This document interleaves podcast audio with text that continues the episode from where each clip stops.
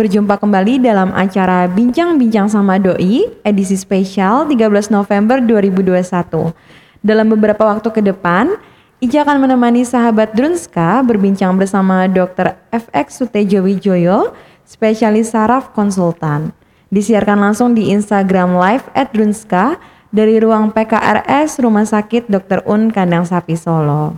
Selamat sore Dokter Tejo, bagaimana kabarnya hari ini dokter? Uh, selamat sore, katanya baik-baik aja. Amin. Semoga sahabat betul. Semoga sahabat Drunska di rumah juga selalu dalam keadaan sehat ya. Kali ini kita akan berdiskusi tentang pikun berbahayakah yang saat ini mungkin menjadi keresahan bagi para orang tua dan mungkin juga buat sahabat Drunska yang sedang menonton sekarang. Mau ngingetin juga buat sahabat Dunskani yang mau bertanya bisa langsung aja menuliskan pertanyaan di kolom komentar di bawah dan tentunya akan ada giveaway untuk sahabat Drunska yang beruntung. Langsung aja nih kita masuk uh, ke tema yaitu pikun berbahayakah? Langsung dengan Dokter Tejo untuk menyampaikan materi hari ini. Monggo dokter. Yeah, terima kasih. Selamat selamat sore pada sahabat sahabat Rizka, ya saya sore ini mendapat tugas untuk memberi acara di bincang-bincang sore di Rumah Sakit Dr. Un dengan judul ya saya beri judul pencegahan demensia. Ya, mungkin saya sedikit akan membahas dulu sebelum acara pertanyaan-pertanyaan. Ya. Jadi kita tahu di Indonesia ini populasi terbesar penduduk keempat di dunia ya. Dan populasi orang tuanya terbesar ketujuh di dunia. Jadi dan menurut penelitian Universitas Oxford itu 4 sampai 6 persen orang tua itu terkena demensia. Okay. Oh, maaf. Jadi dengan sendirinya itu akan terjadi peningkatan orang tua di Indonesia ya. Jadi dari 17 juta itu akan meningkat 35 juta pada tahun 2050 ya. Jadi kita setidaknya besok akan mendapat 1,4 juta. Ya. Jadi ini karena apa? Karena kita bahwa kesehatan di Indonesia lebih maju ya sudah mulai maju sehingga akan banyak meningkatkan juga penderita orang tua. Kita tahu otak ini otak kita. Otak kita ini adalah mahal komputer ya. Di mana otak kita ini terdapat pusat-pusat baik pusat motorik ya untuk gerak, pusat sensorik untuk merasakan, pusat bicara, ya, pusat pendengaran, pusat pendengaran, pusat penglihatan, ya, dan juga pusat memori. Di sini pusat memori terletak di lobus temporalis, jadi di sebelah samping, ya, dan di hipokampus. Ya, jadi otak ini sangat-sangat penting harus kita jaga jangan sampai terganggu. 60 tahun yang lalu itu zaman dulu otak dianggap tidak dapat berkembang, statis, lingkungan tidak berpengaruh. Jadi orang pandai, kurang pandai itu nasib ya. Tapi zaman sekarang ternyata itu dengan penelitian-penelitian yang mutakhir itu ternyata otak itu dapat berkembang dan dipengaruhi oleh stimulasi lingkungan. Sehingga kita harus menggunakan otak dan mengaktifkan otak kita sebanyak mungkin ya. Jadi kalau istilahnya ada use it or lost it. Jadi kita tidak menggunakan otak kita otak akan menurun ya. Akan hilang ya. Maka itu kita harus sering menggunakan otak kita ya. Jadi kalau orang usia lanjut itu pasti akan mengalami penurunan ya. Jadi setelah usia dewasa itu otak akan mengalami degenerasi ya sehingga akan terjadi penurunan kognitif. Ini ya bukan penyakit ya. Bukan suatu penyakit tapi wajar. Tapi yang kita waspadai seandainya penurunnya berlebihan ya. Karena suatu penyakit ya. Contoh adalah kehilangan memori untuk kata dan nama. Ini pada orang tua normal ya. Ya asal wajar-wajar saja. Terus kemudian kecepatan proses pemrosesan itu melambat sehingga kalau orang tua pasti segala sesuatunya pasti lebih lambat dibandingkan orang muda dan kesulitan mempertahankan perhatian dan juga saat menghadapi stimulus lingkungan. Tapi biasanya tidak ada gangguan fungsional. Jadi masih bisa bekerja seperti biasa tapi lebih slow motion ya. Ya, ini demensia atau istilahnya pikun.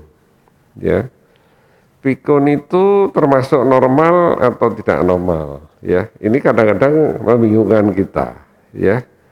Jadi kalau kita ketemu orang tua umur 80 tahun pelupa itu kita mungkin menganggap wajar ah maklum sudah tua jadi lupa-lupa itu maklum ya Nah, ini yang harus kita waspadai. Sebetulnya pikun itu adalah abnormal, ya, suatu keadaan abnormal. Harus kita cari penyebabnya apa. Ya, kalau penyebabnya bisa diketahui, kita bisa mengobati supaya pikunnya tidak bertambah berat. Ya.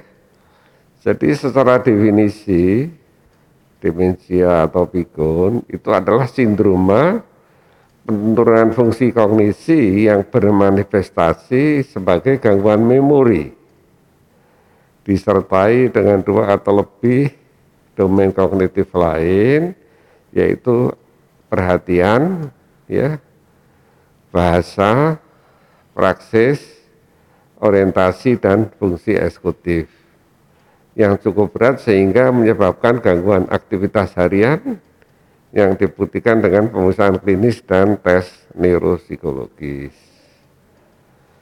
Jadi pikun itu bukan penyakit, dia adalah sindrom di mana terjadi kemunduran pada ingatan, pemikiran, perilaku dan kemampuan untuk melakukan aktivitas sehari-hari.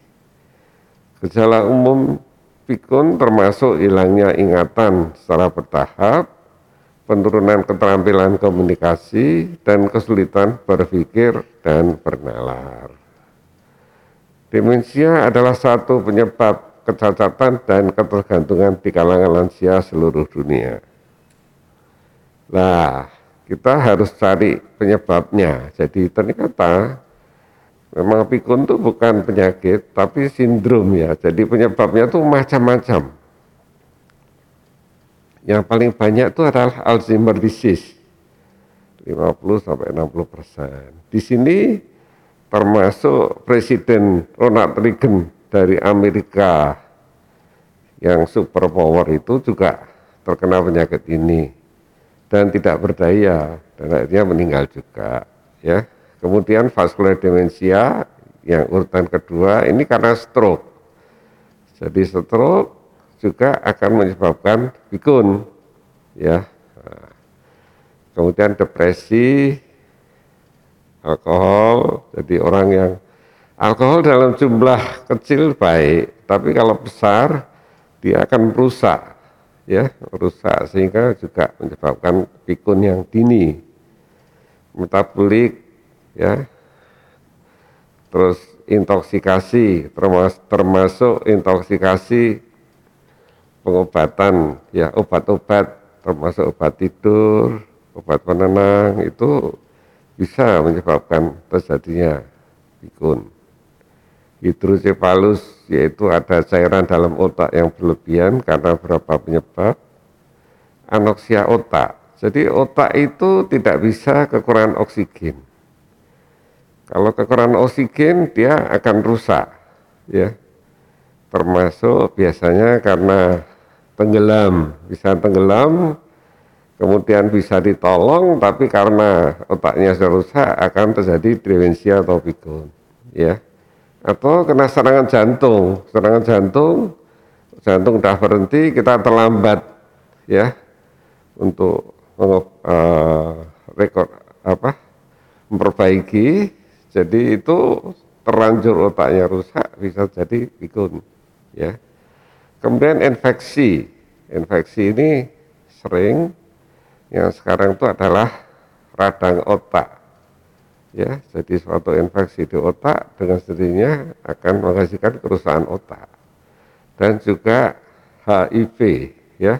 HIV ini juga menyebabkan pikun pada anak-anak muda ya ini yang sering kemudian tumor otak ya ini juga penyebab dan adanya hematom sudural. Jadi ada darah di otak karena trauma, jadi benturan. Ya, itu bisa menyebabkan ikun dan lain-lain. Ya, ya ini ini metabolik. Jadi yang metabolik ini treatable demensia. Jadi demensia yang bisa diobati, treatable. Salah satunya gangguan tir yang gangguan tiroid ya, hipotiroid. Jadi kalau fungsi tiroidnya akan menurun, dia menyebabkan demensia atau pikun juga juga bisa juga penyakit liver ya dan juga yang terkenal penyakit defisiensi B12 ya juga iatrogenik yaitu pemakaian obat-obat yang termasuk obat-obat penenang, obat tidur ya ini juga bisa menyebabkan demensia dan zat-zat obat itu juga banyak menyebabkan bisa demensia. Di sini yang atas kiri ini adalah pemakaian alkohol yang berlebihan dan obat-obatan yang berlebihan. Dan juga yang sebelah kanan atas itu karena depresi ya. Sebab depresi ini sifatnya demensianya sementara ya. Setelah depresi sembuh dia juga sembuh. Maka itu treatable ya kemudian yang bawah ada subdural hematom jadi ada darah di otak sehingga menekan otaknya sehingga fungsinya akan terganggu setelah di, diambil akan sembuh juga tumor jinak juga seandainya diambil juga bisa sembuh. Nah, sekarang ada 12 faktor risiko yang dapat mencegah demensia. Itu satu ya. Jadi anak-anak ya harus diberi pendidikan dasar dan menengah itu utama ya. Jadi itu harus ya kita harus memerlukan alat bantu dengar dan juga pelindungan dari paparan kebisingan. Jadi bising itu juga menyebabkan mudah terjadinya pikun. Mencegah cedera kepala. Jadi kepala kita tahu bahwa tadi otak itu juga harus kita jangan sampai terjadi cedera kepala ya. Misalnya tadi kecelakaan lalu lintas ya sehingga akan menyebabkan bisa menjadi pikun dan hipertensi pada usia pertengahan ini juga harus dijaga ya hipertensi membatasi penggunaan alkohol mengurangi kegemukan ya berhenti merokok terus jangan sampai depresi dan kita jangan isolasi sosial jadi kita harus komunikasi dengan seluruh masyarakat itu juga ternyata akan mengurangi kepikunan. Juga kita harus aktivitas fisik. Jadi kalau kita tidak aktivitas fisik itu juga bisa menyebabkan kepikunan. Kemudian polusi udara, polusi udara juga penting dan diabetes. ya itu juga merupakan faktor-faktor yang bisa menyebabkan pikun. Dari penyelidik yang lain ini juga ada kekurangan gerak, gemuk pada usia pertengahan, pendidikan yang rendah, merokok, hipertensi, diabetes, depresi, dan sleep apnea. Sleep apnea itu sebetulnya ngorok itu ya. Jadi orang yang ngorok itu juga tidak bagus ya. Jadi bisa menyebabkan gangguan kognitif ya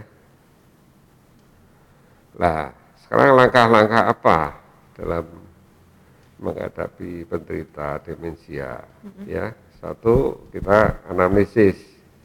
Jadi dengan pertanyaan-pertanyaan dari sumber keluarga terdekat atau pasien, kemudian kita periksa apakah pasien itu mengalami kelumpuhan, misalnya kelumpuhan berarti ini stroke, ya, atau Parkinson, ya, misalnya. Terus kemudian pemeriksaan status mental itu dengan tes-tes neuropsychological test biasanya kita tes pakai tes MMSE mm-hmm.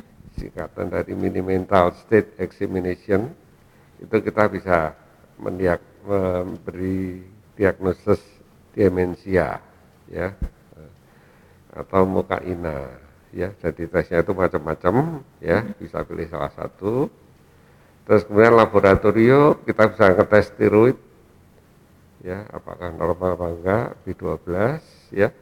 Kemudian neuroimaging kita bisa CT scan atau MRI ya bisa mengetahui apakah ini penyebabnya dari pikun ini apa ya. Nah sekarang preventif ternyata bahwa Alzheimer demensia, jadi penyebab pikun terbanyak adalah Alzheimer, itu sekarang sebabnya itu macam-macam. Bisa karena kekurangan aktivitas fisik, diet yang berlebihan, ya, Betul. hipertensi, hiperkolesterol, diabetes, penyakit jantung, dan stroke, ya. Ya, jadi prinsipnya, ya hipertensi, merokok, hiperkolesterol, gemuk, diabetes, dan kurang aktivitas, terutama pada usia-usia pertengahan ini harus diwaspadai ya, jangan sampai terjadi ya. Lah, sekarang pengobatan. Pengobatan yang non farmakologis itu tanpa obat itu diperlukan alat bantu memori seperti kalender, agenda harian dan papan tulis. Jadi kita harus memakai alat bantu. Juga penting untuk menyimpan benda-benda penderita di tempat tertentu, tempat yang sama. Jadi jangan dipindah-pindah. Jadi kunci tempatkan tempat tertentu. Kalau dipindah-pindah membingungkan itu ya. Membiasakan penggunaan memori prosedural akan bermanfaat. Jadi memori prosedural itu memori yang yang awet tidak mudah lupa.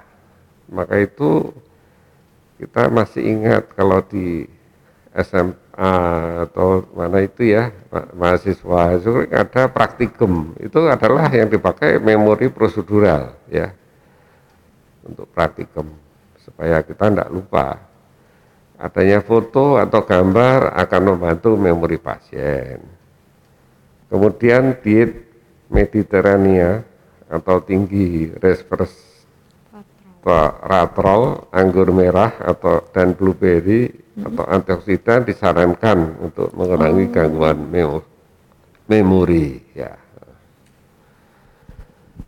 Jadi aktivitas sosial itu akan menstimulasi kognitif. Jadi kita harus tetap aktif di teman-teman ya itu supaya itu akan memperbaiki kognitif kita. Latihan aerobik juga penelitian juga akan merangsang daerah memori ya. Jadi selain efek jantung dan mood yang baik. Memperbanyak stimulasi kognitif misalnya dengan mengisi TTS dan bermain satu. Ya, ya kira-kira sementara itu ya. yang bisa saya Baik dokter, terima kasih untuk materinya ya, dokter. Ya. Uh, mau tanya nih dok sebenarnya. Berarti kalau pikun itu disebutnya bahasanya demensia ya dok ya? Demensia. Untuk apa ya dok? Artinya itu berarti uh, penurunan untuk fungsi Kognisi. Kognisi ya, Dok? Kognitif ya. Jadi di sini di sini memang definisi dari WHO ya. Jadi itu memang yang disebut pikun itu kalau sudah ada gangguan memori disertai dua gangguan yang lain. oh Jadi tidak, tidak hanya gangguan memori saja. Eh, kalau memori saja itu namanya amnesia, bukan pikun. ya. oh iya Jadi mesti ada gangguan lain, misalnya atensi. Atensi itu perhatian. Jadi misalnya pas pasiennya tidak bisa perhatian, Mm-mm.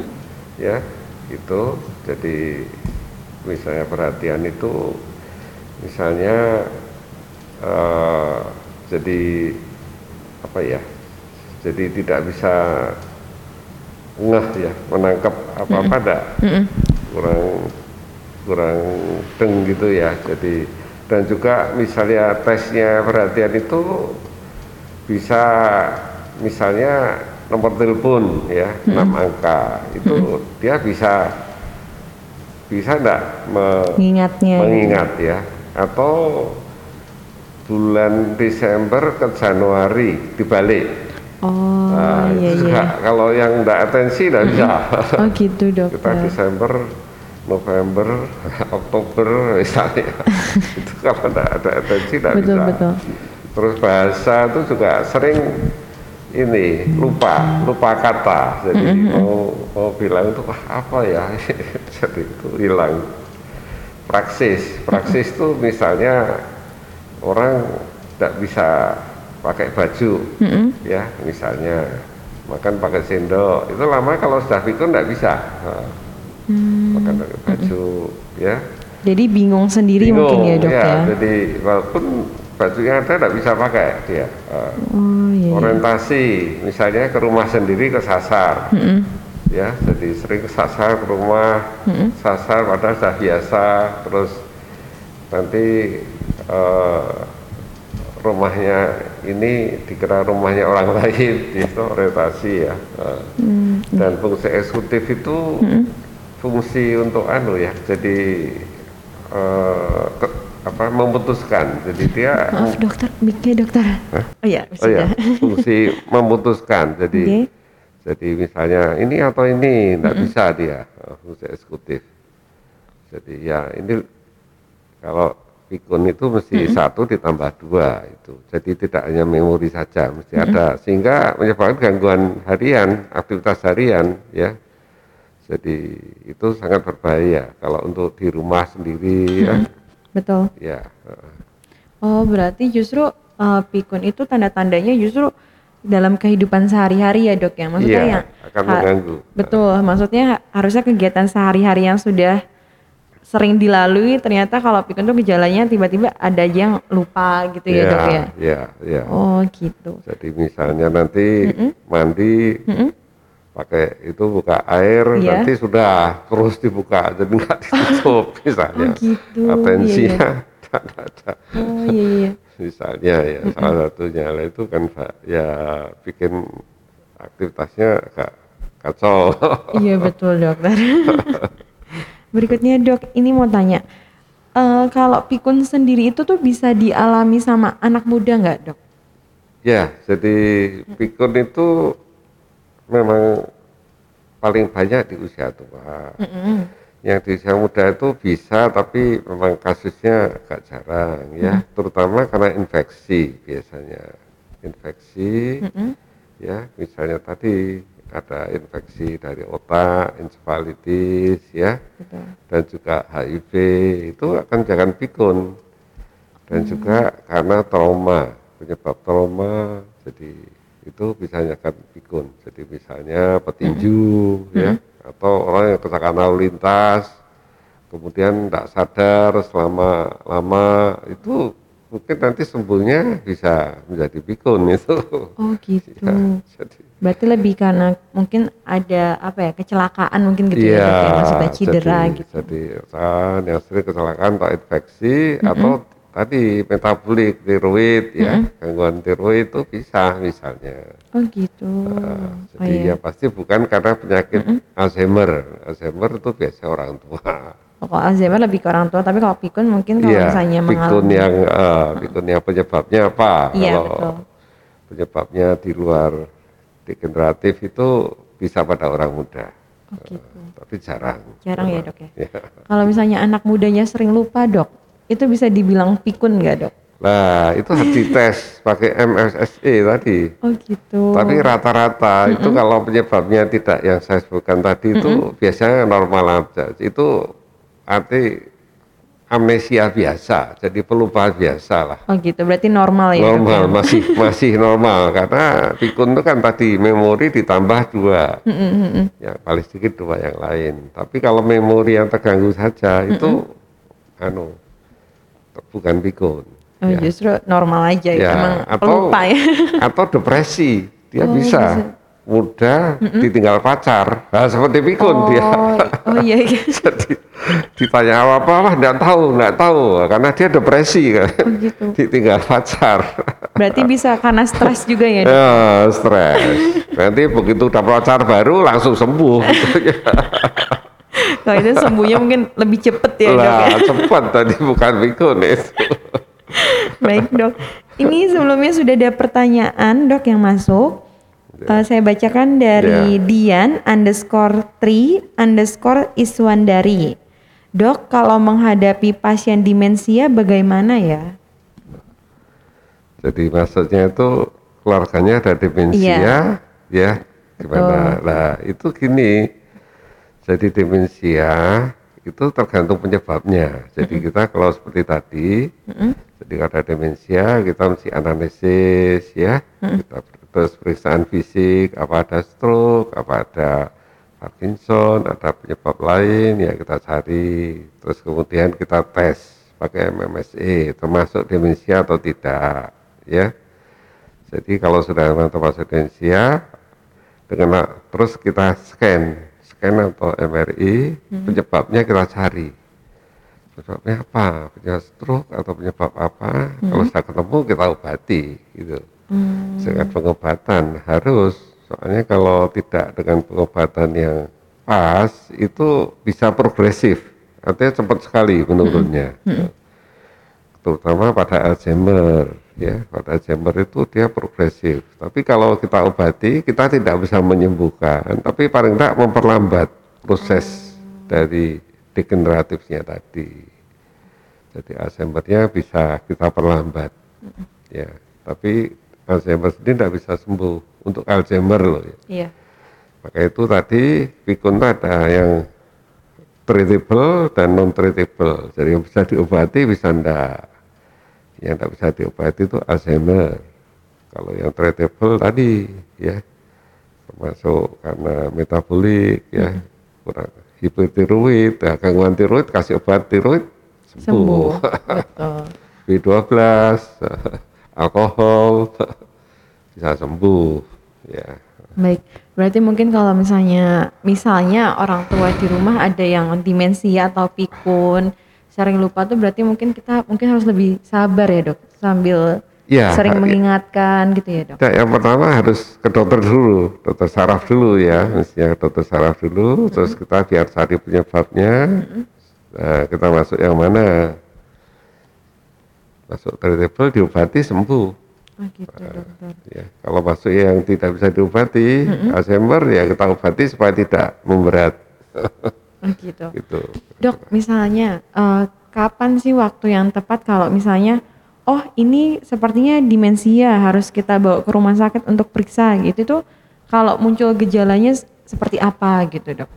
Ya kalau sudah misalnya terlalu nemen ya mm -mm. artinya sudah mengganggu lingkungan itu mm -mm. sudah pasti.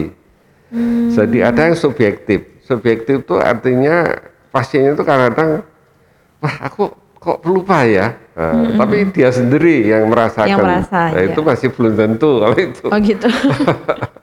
tapi kalau sudah orang lain, wah kayak anu lalen kayak ini anu udah nah, misalnya apa apa ketinggalan yeah, apa apa yeah. lah itu mungkin sudah mengganggu lingkungan itu sudah betul-betul objektif ya. Oh gitu. Tapi kadang-kadang ada orang itu yang merasa wah kok pelupa ya, nah Iya. itu. Tapi padahal ya enggak.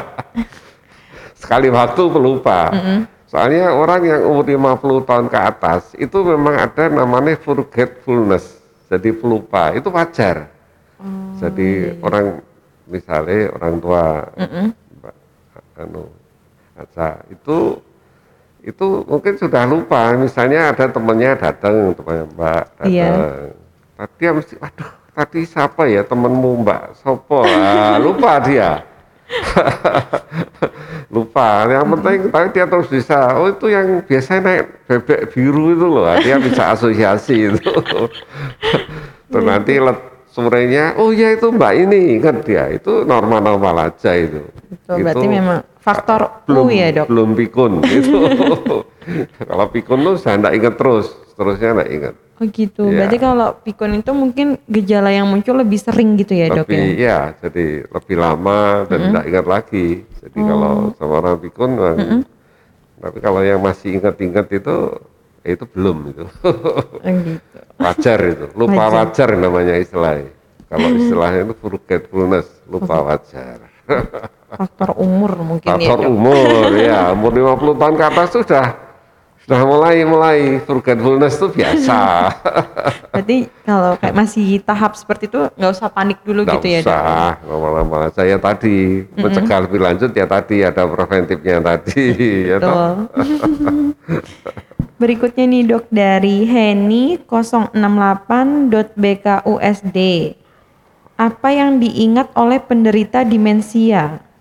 Yang diingat. apa yang diingat Mungkin maksudnya eh apa ya? Biasanya lupa terus tiba-tiba mungkin yang diingat tuh apa gitu keluarga atau apa gitu mungkin ya dok ya? Pertanyaannya. Oh, jadi kalau demensia itu kan memang ada tahapnya ringan, sedang, berat, ya. Kalau sudah tahap, kalau ringan tuh masih masih bisa lah, Eh, dia mungkin lupa sama teman-temannya, tapi sama anaknya masih ingat, ya betul. toh. Kalau sudah berat itu sama siapa pun Lupa. lupa, sama dia sendiri pun lupa. Betul.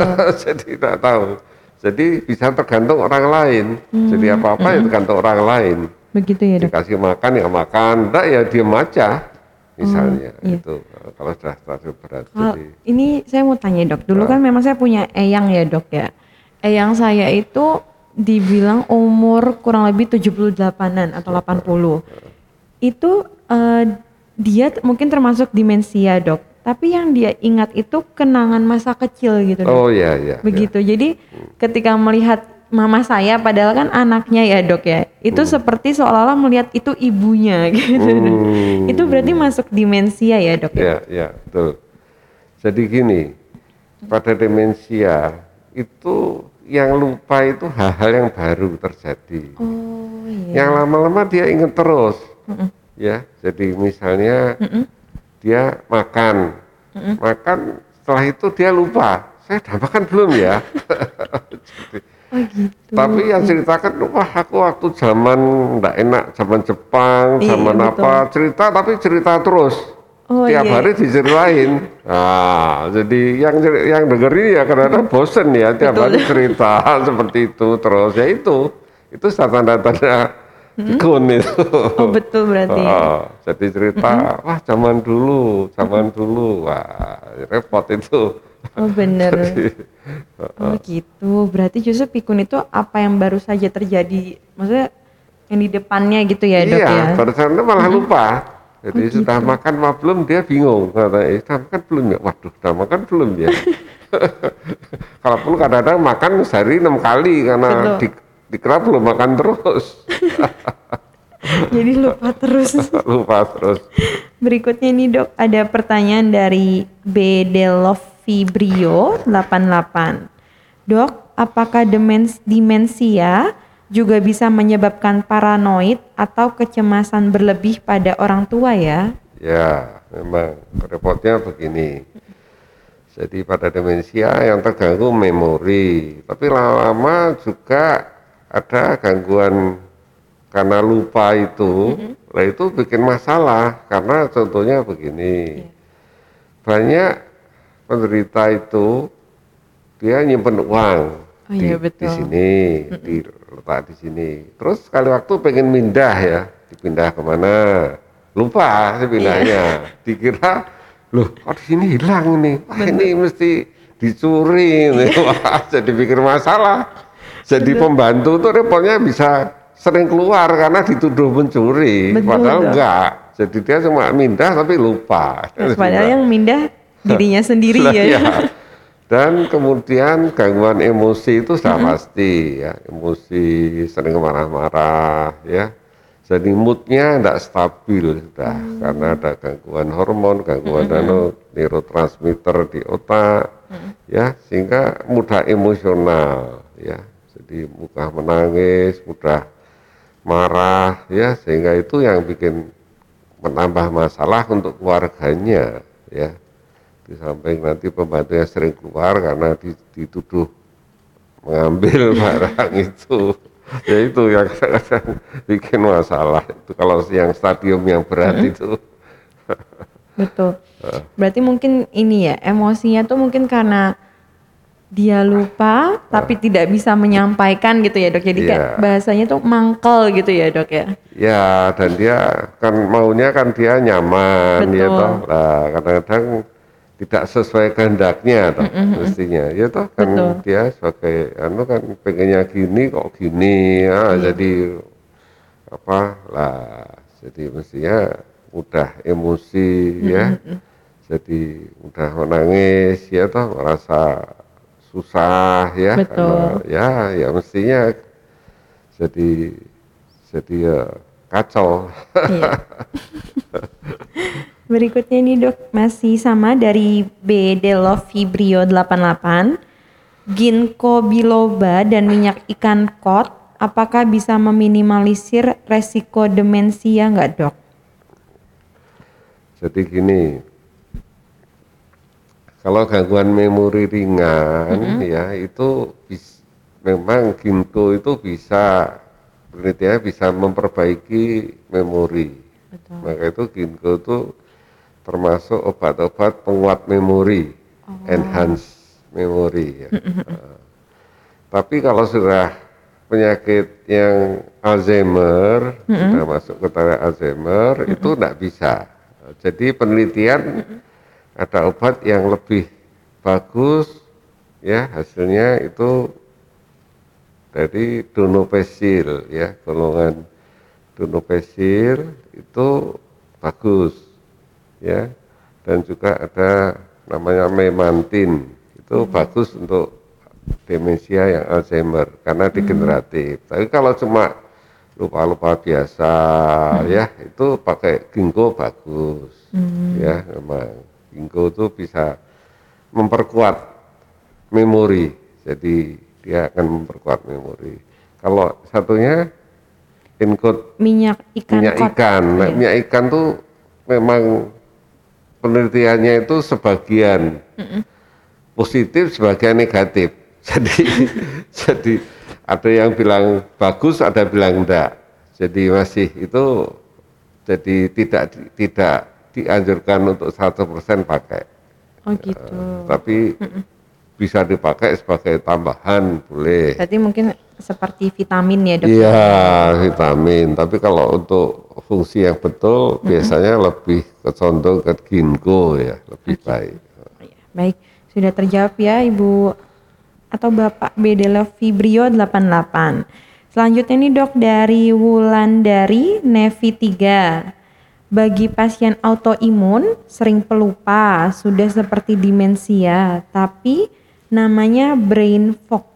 Apa perbedaannya ya dok?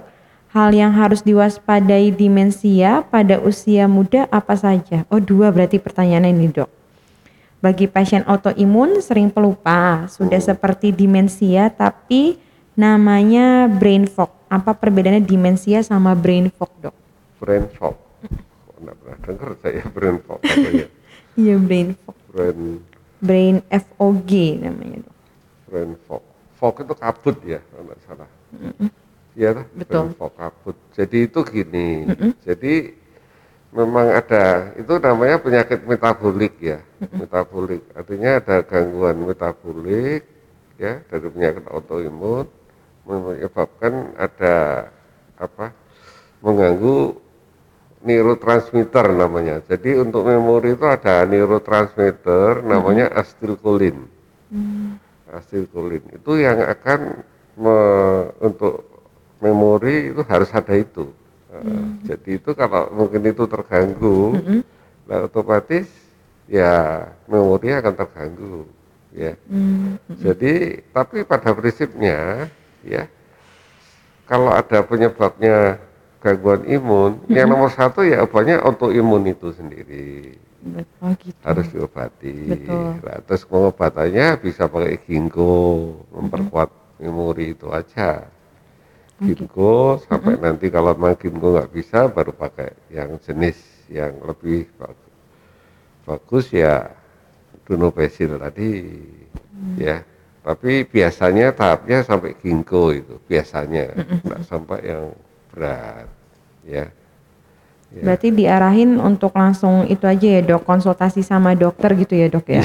Iya, ya, saya kira kalau itu kan dokternya imunologi sudah tahu Betul. juga, sudah diobati juga iya. itu. Cuma kok hasilnya kok masih lupa-lupa terus lah itu.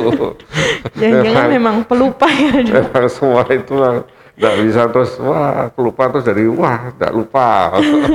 Betul dong.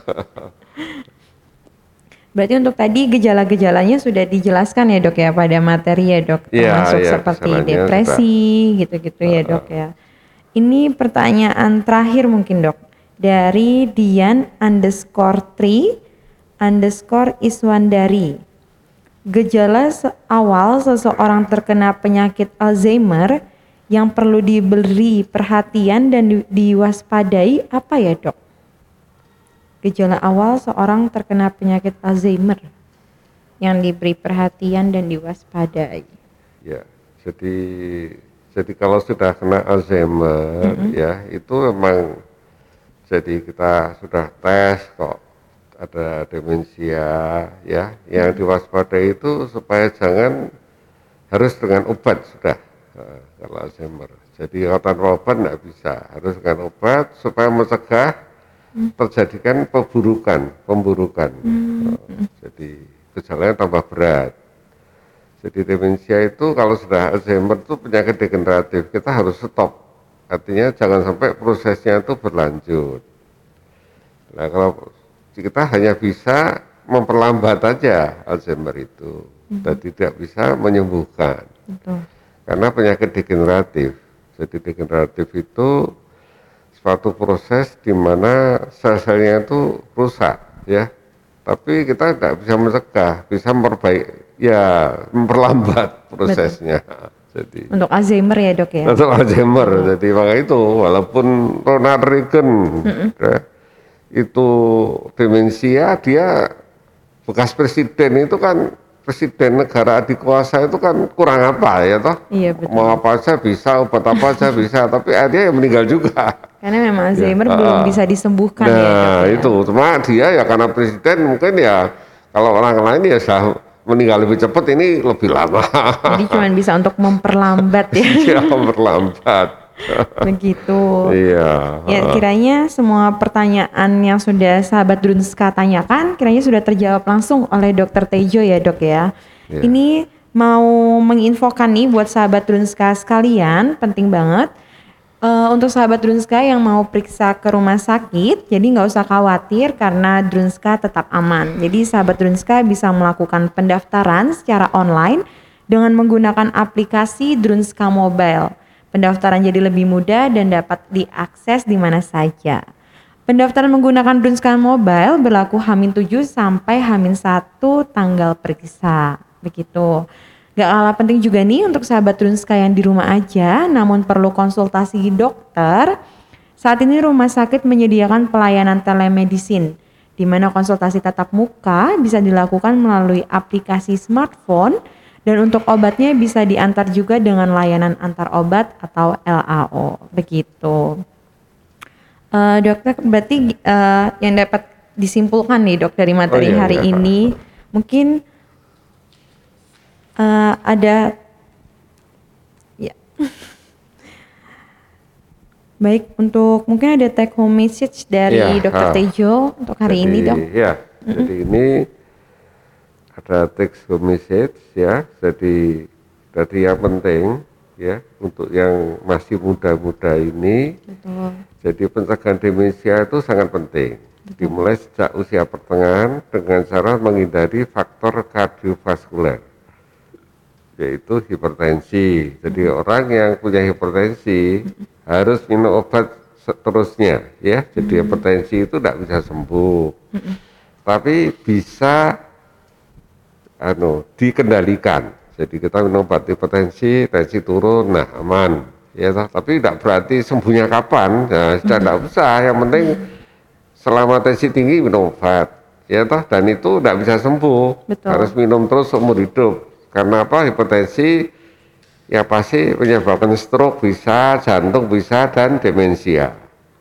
Kolesterol juga begitu. Kolesterol tinggi, ya, kalau obesitas otomatis juga bisa menyebabkan gangguan. Salah satunya demensi, pikun. Diabetes mellitus juga gitu. Kalau kita sudah punya gula, jangan ah kok nggak ada rasa apa-apa ya, eh, nggak usah. Itu harus diobati dengan supaya normal gulanya, supaya tidak terjadi ya bisa stroke, terus jantung dan pikun ya. Kemudian yang terapi non farmakologis tanpa obat itu diet meditariannya itu banyak sayur buah itu. Jadi jadi ya jadi ya yang tidak biasa ya bingung. Saya dulu ke meditarian sana dikasih anu lu kok cuma sayur semua makanya ini. Jadi tidak suka juga ya. Kemudian aktivitas sosial dilanjutkan ya, jadi harus jangan sampai berhenti ya, itu sangat membantu untuk pikun ya, mencegah pikun. Stimulasi kognitif ya, permainan ya, jadi pakai teka-teki silang, main catur, soduku itu sangat bagus untuk memori, untuk otak ya. Itu akan otaknya ini akan berkembang. Jadi karena setelah usia dewasa muda, otak itu mulai banyak yang mati selnya. Tapi dengan kita stimulasi itu ada yang tumbuh juga ya. Jadi itu akan membaik. Tapi kalau kita tidak stimulasi itu yang mati banyak ya lama-lama mudah terjadi pikun ya. Iya, Eh, olahraga, olahraga itu atau aerobik sangat bermanfaat karena olahraga itu ternyata juga otaknya akan tumbuh, sel-selnya itu akan anu juga ikut tumbuh. Maka itu dipopulerkan ada olahraga otak. Jadi olahraga tapi memperbaiki otak, ya senam otak namanya. Oh iya betul. Tapi olahraga ada itu Iya, iya. sangat itu bermanfaat ya.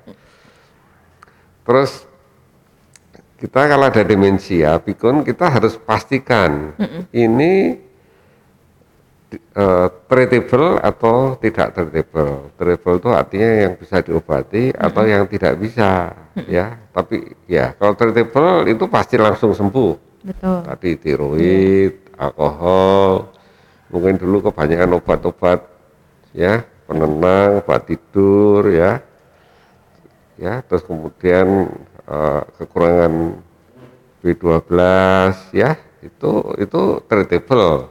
Begitu ketemu sembuh ya. Tapi yang degeneratif Alzheimer itu memang tidak bisa sembuh tapi juga diobati segera supaya tidak cepat lebih berat ya. Jadi tidak jadi bisa Diperlambat lama ya. diperlambat ya. Jadi kalau sudah ada demensia degeneratif yaitu Alzheimer obatnya hanya simptomatis tadi. Dengan tadi jenis acetylcholinesterase inhibitor ACHI atau donovesil ya jenis itu atau memantin. Obat dua ini diakui di seluruh dunia dipakai untuk supaya eh, memperlambat penyakit Alzheimer ini. Dan juga rencana mm-hmm. Dokter Un tahun depan itu akan membuat klinik memori kita. Oh. uh, jadi klinik memori untuk ya untuk pasien-pasien yang ada gangguan kognitif, mm-hmm. mungkin yang lupa, yang merasa, wah sudah pikun, itu bisa nanti bisa ada tes-tes, ada tes ini masuk pikun apa enggak ya, nah itu Betul. supaya bisa membantu ya, ya, ya. semoga tahun depan bisa berdiri. Amin ini ya dok ya. ya. ya uh, Dokter Tejo tidak terasa nih perjumpaan kita sudah mau habis dokter uh, buat materinya yang sangat menarik ya dok ya terutama uh, tentang pikun yang mungkin jadi sudah terjawab juga nih jadi keresahan semua sahabat Drunska di rumah ya dok ya jadi yeah. kalau masih lupa-lupa dikit ya tidak perlu panik dulu begitu ya, ya dok. harus Betul. Terima kasih juga untuk semua sahabat Drunska yang sudah setia mengikuti dari awal hingga akhir. Pemenang giveaway juga akan diumumkan besok melalui postingan IGTV. Jadi stay tune di Instagram @drunska. Selamat melanjutkan aktivitas dan selamat berakhir pekan bagi sahabat Drunska sekalian. Jangan lupa tetap mematuhi protokol kesehatan, menjaga kebersihan dan selalu jaga kesehatan. Kita berdoa bersama agar wabah virus corona ini segera berakhir. Drunska tetap aman untuk Anda. Sampai jumpa di acara Bincang-Bincang sama Doi selanjutnya.